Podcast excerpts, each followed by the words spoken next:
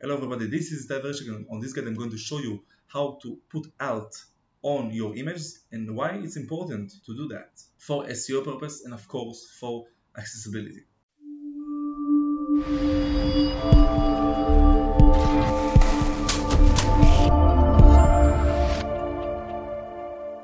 Okay, so in order to add your alt attribute to any image, you have to go to media library right here and check each image that you have the alternative text in place.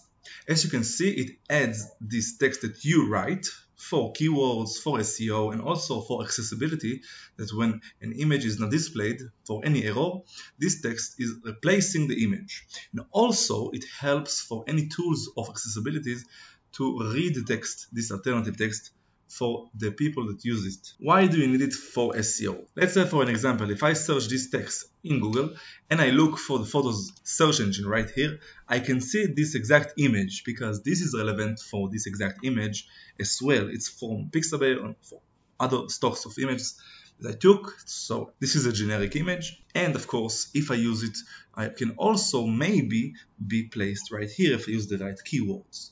This helps you to also get more traffic and if I click right here on this image, I can go inside the website that this image is displayed also. This gives you more traffic for SEO as well and you have to put an original image and with the right keyword and explanation so the search engine will of course take you in place in his image search engine. So this is why it's important also for SEO and also for the website accessibility. As you saw, it's very easy to put alt on emails and why it's important for SEO and also for accessibility for your website. If you have any more questions, you can write down on the comments below and I will comment. And on the first comment, I'll put in the link to my full guide on my website. And if you like this video, you can like, subscribe, comment, and share. And good luck.